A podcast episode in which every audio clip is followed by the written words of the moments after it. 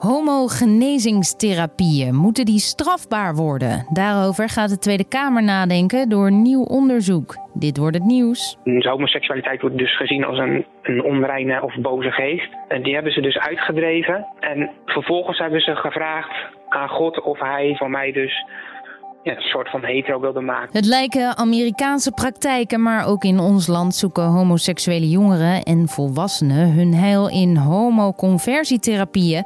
Daar praat ik zo over met Kees Goedegebuur van de koepelorganisatie van de christelijke LHBT-beweging. En Johan Verwij vertelt zijn verhaal, want hij probeerde zich te laten genezen van zijn geaardheid. Maar eerst kort het belangrijkste nieuws van nu. Mijn naam is Esme Dirks en het is vandaag 11 11 juni. Dit is de Dit wordt het nieuws middagpodcast. Kermisexploitanten die met kermiswagen en al wilden demonstreren in Den Haag hebben donderdag uit protest urenlang de A12 geblokkeerd. Volgens de politie weigerden ze naar de afgesproken verzamelplaats te rijden waar ze hun voertuigen mochten stallen. met zo'n 150 kermiswagens reden ze naar de Hofstad om te protesteren tegen het kermisverbod dat is ingesteld vanwege de coronamaatregelen. Nou, op den duur konden ze richting het stadion worden gebracht en vanaf daar mochten ze met pendelbussen naar het Malieveld zonder kermiswagens. De 22-jarige man die in 2019 een terroristische aanslag pleegde in een Noorse moskee en zijn 17-jarige stiefzus doodschoot, is donderdag veroordeeld tot 21 jaar cel. Bij de aanslag kwam niemand om het leven. De man drong de moskee binnen en uh, loste schoten zonder iemand te raken. En hij werd overmeesterd door een 65-jarige moskeeganger die zijn wapens afpakte. De Noor had een extreem rechts motief voor zijn daad. Chan Santokki, die vorige week met zijn partij de Surinaamse parlementsverkiezingen heeft gewonnen, wil zo snel mogelijk de banden met Nederland herstellen. Zo moeten er, als hij wordt verkozen tot president, binnen zes maanden weer ambassadeurs in beide landen gepositioneerd zijn. Sinds 2017 eh, heeft Suriname geen Nederlandse ambassadeur meer, omdat hij zich volgens de huidige president Bouterse te veel zou bemoeien met Suriname. Santokki ziet daarentegen een samenwerking met Nederland als belangrijk onderdeel van het herstel van Suriname. De gemeente Amsterdam wil dat in 2026 het aantal nieuwe HIV-infecties in de stad gereduceerd is tot nul. En om dat voor elkaar te krijgen, wil de gemeente het gebruik van de HIV-preventiepil PrEP op grote schaal mogelijk maken. Ook wordt er ingezet op het uitbreiden van de testcapaciteit en moet de drempel voor mensen om zich te laten testen verlaagd worden. De gemeente volgt de organisatie AIDS-fonds SOA AIDS Nederland, die als doel heeft om Nederland het eerste HIV-vrije land te maken. De wolf die in de omgeving van het Brabantse Heusden tientallen schapen heeft doodgebeten, lijkt ons land te hebben verlaten. En dat betekent dat de voorspelling van de coördinator Wolvenmeldpunt is uitgekomen. Want die zei dat als het vee goed beschermd zou worden, het dier snel weg zou gaan. Nou, de wolf is doorgetrokken naar het zuiden, dat zegt het Belgische Instituut Natuur- en Bosonderzoek. En daar heeft hij inmiddels ook een koe aangevallen. Maar dat is zeldzaam, dus er is nog geen reden voor paniek. In ons land zijn 15 zogenoemde homogenezers actief. Dat blijkt uit onderzoek van het bureau Beke en Hateno. Homogenezing, of uh, ook wel conversietherapie genoemd, is een pseudowetenschappelijke praktijk. En daarbij wordt geprobeerd om de seksuele geaardheid van een LHBT'er te veranderen naar heteroseksueel. In de meeste gevallen zit er een religieus motief achter en het is omstreden, want het kan zorgen voor grote psychische schade bij degene die het ondergaat. Door dit onderzoek rijst de vraag, ook bij de Tweede Kamer, of deze praktijken misschien strafbaar moeten worden. Johan Verwij, die heeft zo'n homogenezing aan den lijve ondervonden. Hij werd geboren in 1985 en groeide op in Nieuw-Lekkerland, oftewel in de Bijbelbelt. Uh, nou, als je het hebt over het dagelijks leven in de Bijbelbelt, dat ziet er echt uit van uh, je, gaat, uh, je groeit op in een christelijk gezin. Uh, elke zondag ga je twee keer naar de kerk. je bezoekt de zondagschool. Dus dat is eigenlijk nog een extra school naast het reguliere basisonderwijs. En tevens als je dan 12 jaar bent of ouder, dan ontvang je ook nog eens onderwijs vanuit de kerk. En dat noemen ze dan uh, of catechese. En daarnaast ja, bezoek je niet alleen de christelijke basisschool, maar ook het voortgezet onderwijs is, is ja, christelijk en in mijn geval ook nog eens reformatorisch. Dus dat is eigenlijk nog een soort stapje zwaarder of wat, wat heftiger, zeg maar. En um, dus het hele, je hele leven of je hele bestaan is doordrenkt van geloof en van religie. Ja, en jij uh, groeide daarin op als, uh, als kind. Um, en op een gegeven moment begon je te realiseren dat je misschien wel op mannen zou vallen. Kon je dat zelf rijmen met jouw geloof? Um, wel met mijn persoonlijke geloof wat ik toen uh, had omdat ik nooit zelf heb ervaren van uh, het is niet goed zoals ik ben. Uh, ik had veel meer last van uh, de omgeving, hè, de kerk. Wat, um, wat had jij daarvoor vanuit jouw gemeenschap te horen gekregen over homoseksualiteit? Nou, dat het vooral eigenlijk een gruwel is in Gods oog. Hè, dat het tegen natuurlijk is. Dat een liefde tussen twee mensen van hetzelfde geslacht niet kan bestaan. Uh, en dat werd ook op die manier zo gebracht en gepredikt. Vooral ook op zondag en met name als bijvoorbeeld de Gay Pride in Amsterdam was geweest. Dan uh, was de zondag erop. Nou, dan, ik zat natuurlijk trouw in de kerk, ik wist niet beter. En dan werd er ook gesproken over die uh, ja, uitgedoste mannen die op zo'n boot naakt stonden te dansen of half bloot. En nou, dat was het enige wat ik eigenlijk altijd heb gehoord over het thema homoseksualiteit in de kerk. Dus Afwijzing. ja, een negatieve lading heeft het altijd gehad. En geloofde jij dan zelf ook dat het iets slechts was? Uh, nee, ik zelf niet. Als ik terugkijk, denk ik van. Uh, ik heb het altijd uh, gezien als iets wat gewoon bij mij hoort. Dat, daar ben ik gewoon mee geboren, denk ik. Um, Alleen omdat mijn hele leven zeg maar doordrenkt was van dat hele christelijke geloof. En dat er voor mij geen veiligheid was, voor mij, althans voor mijn gevoel, om daarin open kaart te spelen of iemand in vertrouwen te nemen. Werd het dus voor mij heel lastig om uh, uh, mijn leven daarin verder te ontwikkelen of te ontplooien. Ja, er, er is een moment geweest waarop ook jij hebt geprobeerd om je te laten genezen van je homoseksualiteit. Hoe kwam jij terecht bij, uh, uh, ja, bij, bij die wens? Ik had niet een soort oplossing voor mezelf. Ik, ik had, wist niet hoe ik daarmee om moest gaan. Dus toen toevallig pakte ik een boek bij mijn vader uit de boekenkast. En dat was een boek van een Amerikaanse psychotherapeut. Inmiddels is overleden, maar die was ervan overtuigd dat uh, homoseksuelen genezen kunnen worden. En dat was mijn eerste uh, aanraking met dat thema. En toen dacht ik, goh, nou misschien is dat inderdaad ook wel op mij van toepassing. En um, en dat was ook al een beetje, was ik in jaren 16, 17. En uh, toen raakte ik ook betrokken bij een stichting, een evangelisatiestichting. En daar heb ik stage gelopen in HAVO 4, geloof ik. En dat waren ook mensen die waren ervan overtuigd dat uh, ja, God vindt dat mensen niet zo mogen zijn. En uh, ik dacht van ja, nou, dit is misschien wel het moment, weet je wel. Dit is misschien wel wat God van mij vraagt, dat ik ook die weg ga. Dus dat ik van mijn homoseksualiteit genezen word.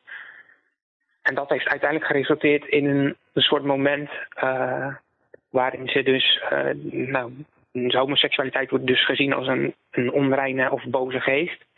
En die hebben ze dus uitgedreven. En vervolgens hebben ze gevraagd aan God of hij zich wilde uh, uh, of hij met zijn tegenwoordigheid in mijn leven wilde komen en van mij dus ja, een soort van hetero wilde maken. Of in ieder geval gevoelens voor een vrouw wilde geven. Mm-hmm. Dat is in het kort samengevat een beetje wat er is gebeurd. En dat heeft zich later nog wel een keertje herhaald. Omdat ik in mezelf merkte van... Goh, weet je, er verandert gewoon helemaal niks. Ik ben volgens mij nog steeds hartstikke homo. Ja, het had niet gewerkt.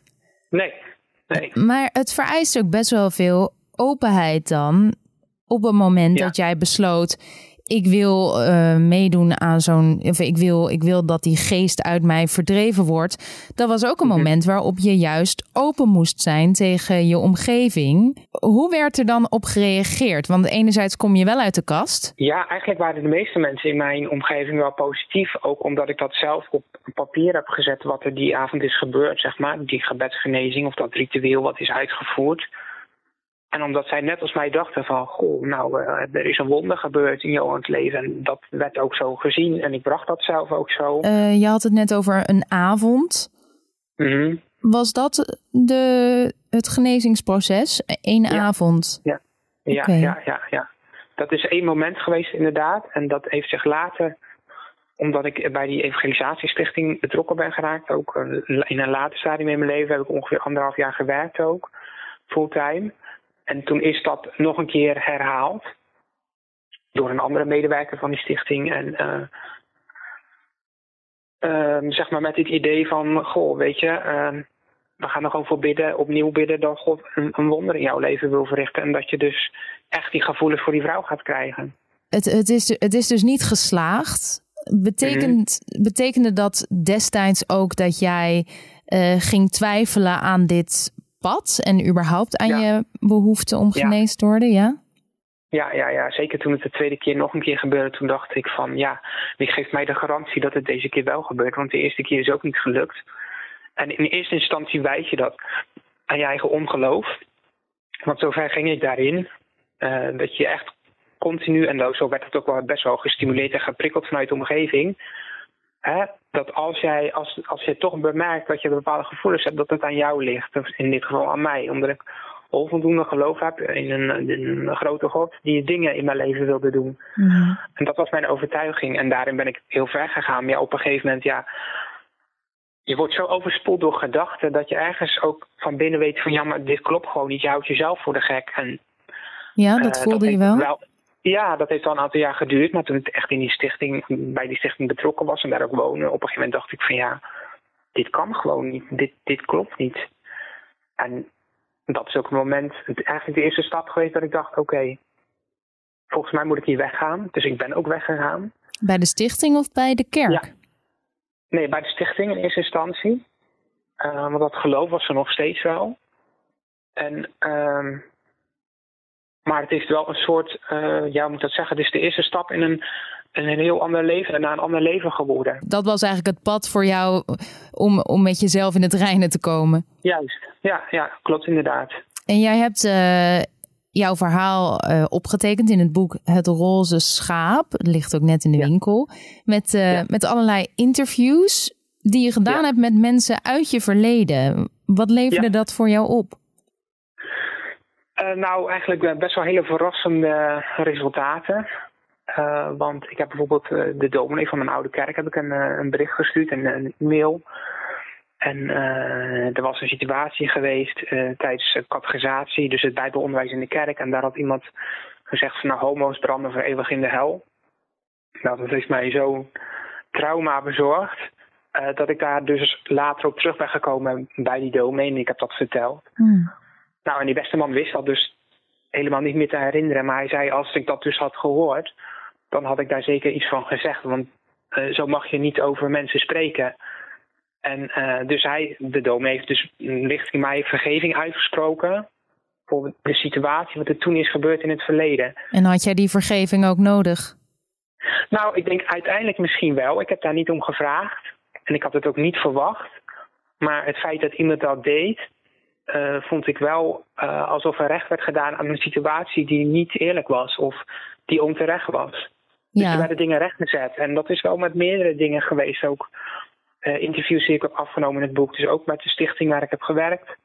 Het huidige bestuur die wilde eigenlijk ook niet meer, althans niet gedeeltelijk, met mij in gesprek gaan over wat er destijds allemaal niet gebeurd. Mm -hmm. Maar het nieuwe bestuur heeft daarin wel verantwoordelijkheid genomen en heeft dus ook excuses gemaakt voor wat er is gebeurd in die periode. En ja, dus dat zijn wel van die wonderlijke dingen dat ik denk, goh, weet je, dat had ik totaal niet verwacht. Dat was uh, Johan Verwij. En dan nu door naar Kees Goedegebuur van LKP, de koepelorganisatie van de christelijke LHBT-beweging. Want die strijdt al jaren voor meer politieke aandacht voor deze omstreden homotherapeuten. En hij is blij met dit onderzoek. Uh, eigenlijk ben ik nog wel uh, verbaasd dat ze tot uh, eh, 15 organisaties komen die, die hiermee bezig zijn, of 15 initiatieven. Um, ik dacht dat het, dat het moeilijk te vinden zou zijn en dat het eigenlijk. Nou, ik had gehoopt dat het er minder waren. Oké. Ja, eh, dus, dus je schrikt er wel van? Ja, ja. Wat, ik, wat me niet verbaast is dat het uh, uit de hoek van uh, evangelische en pinkstergemeentes komt. Um, wat is dat dan aan, aan de pinkstergemeente en dat je denkt, oh ja, typisch? In de gereformeerde kerken of de, de, de traditionele kerken um, zijn veel meer bezig met hoe, hoe richt je je leven goed in. Um, en hoe, hoe inspireert God daarbij? En de wat zwaardere gereformeerde kerken die zijn bezig met um, hoe leef ik zo goed mogelijk voor God. En, en die gaan uit van dat de mens uh, zondig is, maar dat God dat genadig bekijkt. Heel, heel kort bocht. Maar die hebben wel een, gevoel van uh, het leven is ingewikkeld en moeilijk. En God helpt ze daarbij. Maar de genezing en, en, overwinning is niet zozeer een, uh, een onderdeel van hun visie. Um, of niet heel direct. En de Pinkstergemeentes die wijken daar juist heel erg vanaf. Die zeggen, God, God heeft een hele directe betrokkenheid op dit leven. En God wil het goede. En het goede is vrij gedefinieerd. Dat is uh, zoals het in de Bijbel staat. En dat lezen ze dan altijd erg letterlijk. Mm -hmm. en, uh, en daarin staat dat God geneest. En dat God een ideaal heeft voor deze wereld. En dat is dus bereikbaar. En dat, dat is ook dan vrij dwingend. Dat moet dan ook zo. Ja. Dus als, de, als, het, als het ideaal een, een, man valt op een vrouw en een vrouw valt op een man. Dus alleen maar het, het hetero huwelijk, als dat het ideaal is, dan moet dat dus ook voor iedereen. Als je daarvan afwijkt, dan moet dat dus, en dan is dat dus ook mogelijk dat dat genezen wordt. En vanuit, die, vanuit dat ideaal um, ja, bekijken ze heel de wereld. En alles wat daarvan afwijkt, dat kan dus veranderen of genezen. En dus is het in die zin ook niet zo verwonderlijk dat uit die hoek juist de initiatieven nog steeds komen uh, voor het uh, ja, voor conversietherapie, voor homogenezing. Ja, we hoorden net van Johan Verwij eh, dat hij genezen werd uh, voor zijn homoseksualiteit bij een stichting waar hij stage liep. Um, dus hij, hij, hij was ervan op de hoogte door een boek, maar door die, door die stichting kwam hij eigenlijk vrij makkelijk terecht bij iemand die dat voor hem kon doen. Uh, hoe gaat dat uh, tegenwoordig? Hoe komen homoseksuele jongeren of volwassenen bij deze homoconversietherapeuten? Ja, ik denk dat dat vaak is na een lange worsteling die een, een persoon al doorgemaakt heeft. Um, omdat het, het eerste idee in die kring is toch van uh, dit is niet goed en ik moet er vanaf. En dat kan ook. Maar ze, ze, houden dat vooral in, uit schaamte als ze jong zijn nog erg bij zichzelf. Dat blijkt ook wel uit het onderzoek. En gaan pas op latere leeftijd uh, daarmee aan de slag. Uh, en dan is hun idee wel van ik, ik moet en ik kan hiervan genezen worden. En dan zullen ze met hun, uh, ja, ik neem aan met leiders in hun kerkelijke kring um, zullen ze spreken. En dan is het, denk ik, toch wel veel uh, via het informele circuit, via via, dat mensen dan bij initiatieven voor uh, therapieën of um, zoiets uh, terecht zullen komen. Ja, je maakt niet bepaald een uh, KVK-nummer aan als homogenezer. Nee. Uh, zodat je te googelen bent, zeg maar. Maar dat maakt het ook heel moeilijk om, om te onderzoeken, lijkt mij, in hoeverre dit een probleem is binnen de gelovige gemeenschap. Ja, ik denk dat, het, eh, dat er weinig organisaties zullen zijn die dit groots uh, nog zouden durven aanprijzen. Dat maakt het ook wel natuurlijk ingewikkeld om, uh, als je hier een, als, als de, hier een verbod zullen krijgen op dit soort therapieën, dan, dan zal er heel veel in, de, in, de, in het um, informele circuit zeg maar, uh, plaats gaan vinden. En het is ook moeilijk om dan de, het onderscheid te maken tussen gewoon zorg vanuit een gemeente, zorg voor elkaar en het meeleven met elkaar. Um, en uh, en, en ja, wat, wat, wat je dan een therapie zou kunnen noemen. Ja, dus eh, je bedoelt, uh, het kan dan misschien anders verwoord worden, maar in, in, in, in de praktijk blijft het dan hetzelfde principe. We gaan iemand genezen van zijn homoseksualiteit, we noemen het alleen anders. Ja, ja ik denk dat ze het zelf ook vaak niet zo zullen noemen. Um, dat het, um, veel meer zal zijn in van we, we bidden voor je en God heeft het beste met je voor en als God het wil, dan zal hij je genezen. Ehm, dat, ik denk dat dat het verste gaat. Maar ja, ik, dat, ik kan dat niet precies zeggen, dat, hoe dat uh, precies dan loopt. Maar denk je dan dat een eventuele wet om dit strafbaar te maken eigenlijk niet zoveel zin heeft? Of uh, draagt het wel ja, iets bij? Ik vooral de, de, symbolische waarde daarvan. En dat het, het, um, maar het signaal dat ervan uitgaat dat we als samenleving um, dit, dit niet accepteren. In de praktijk zal het moeilijk zijn om om daar uh, ja, echt juridische gevolgen aan te geven. Is het binnen jullie organisatie nog zo dat er ook mensen zijn die wel heil zien in homogenezing? Of is dat echt helemaal ouderwets en vanuit jullie gezien niet oké? Ik ken, ik ken zelf echt niemand die dit voorstaat. Die gelooft dat je werkelijk nog, dat je werkelijk hiervan af kunt komen. Um, ik krijg een vreselijke term in. De, wat, wat wel nog uh, gebeurt is dat, um, dat, dat, mensen, dat er mensen zijn die um, de overtuiging hebben dat je er niet naar mag leven. Dat je dan dus geen uh, relatie van gelijk geslacht zou mogen hebben. Um, en dat het dus de beste weg is om alleen te blijven. En dat, dat komt nog wel voor. Dat is niet wat wij, waar wij voor staan. maar die, de, ja, dat, dat zijn nog wel de ideeën die ik nog wel, wel hoor. Ja, dus dat de homoseksuele gevoelens, oké, daar kun je niks aan doen, maar uh, je mag ze niet praktiseren.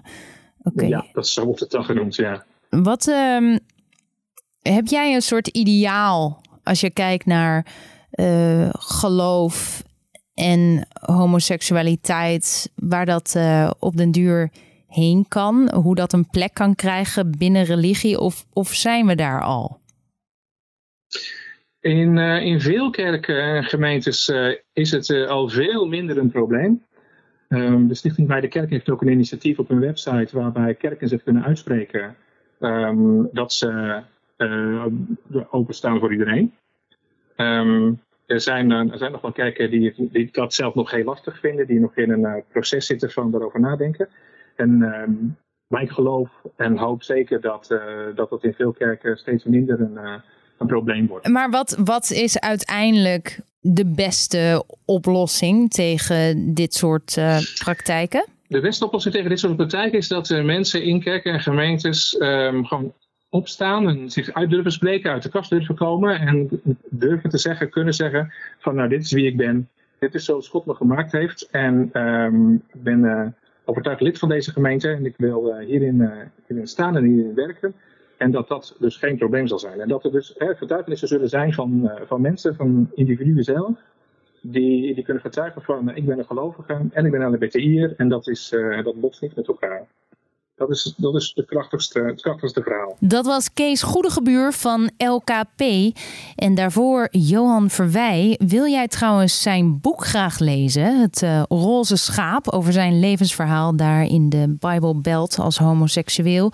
Stuur dan een mailtje naar podcast.nu.nl en vertel even waarom je zijn verhaal wil lezen. Dan uh, kiest Johan twee mensen uit en die krijgt dan een exemplaar van zijn boek. podcast.nu.nl.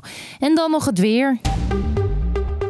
Het is bewolkt vandaag en vooral in het uh, midden van het land en in het noorden valt wat regen. In het zuiden is het nagenoeg droog en daar zie je ook af en toe de zon doorbreken. Het is uh, 18 tot 22 graden. Morgen zijn er flinke zonnige perioden en uh, warmt het ook snel op naar 24 tot 28 graden. S'avonds is een onweersbui mogelijk. En in het weekend blijft de temperatuur hoog. In de loop van uh, zaterdag neemt uh, de kans op pittige regen- en onweersbuien wel even toe. Naar zondag wordt het uh, met 20 tot 25 graden lekker warm, iets koeler dan zaterdag. En er zijn dan ook uh, zonnige perioden met kans op wat regen. Als jij dit nou een uh, prettige podcast vindt, zorg dan voor dat ook anderen ons kunnen vinden. Dat kun je doen door je te abonneren op Dit Wordt Het Nieuws via de app die jij graag gebruikt. Dan staat de podcast elke ochtend en middag voor je klaar zodra hij er is. Heb je tips of feedback? Mail dat dan even door naar podcast.nu.nl. Ik wens je nog een hele fijne avond en uh, morgenochtend zijn we er weer.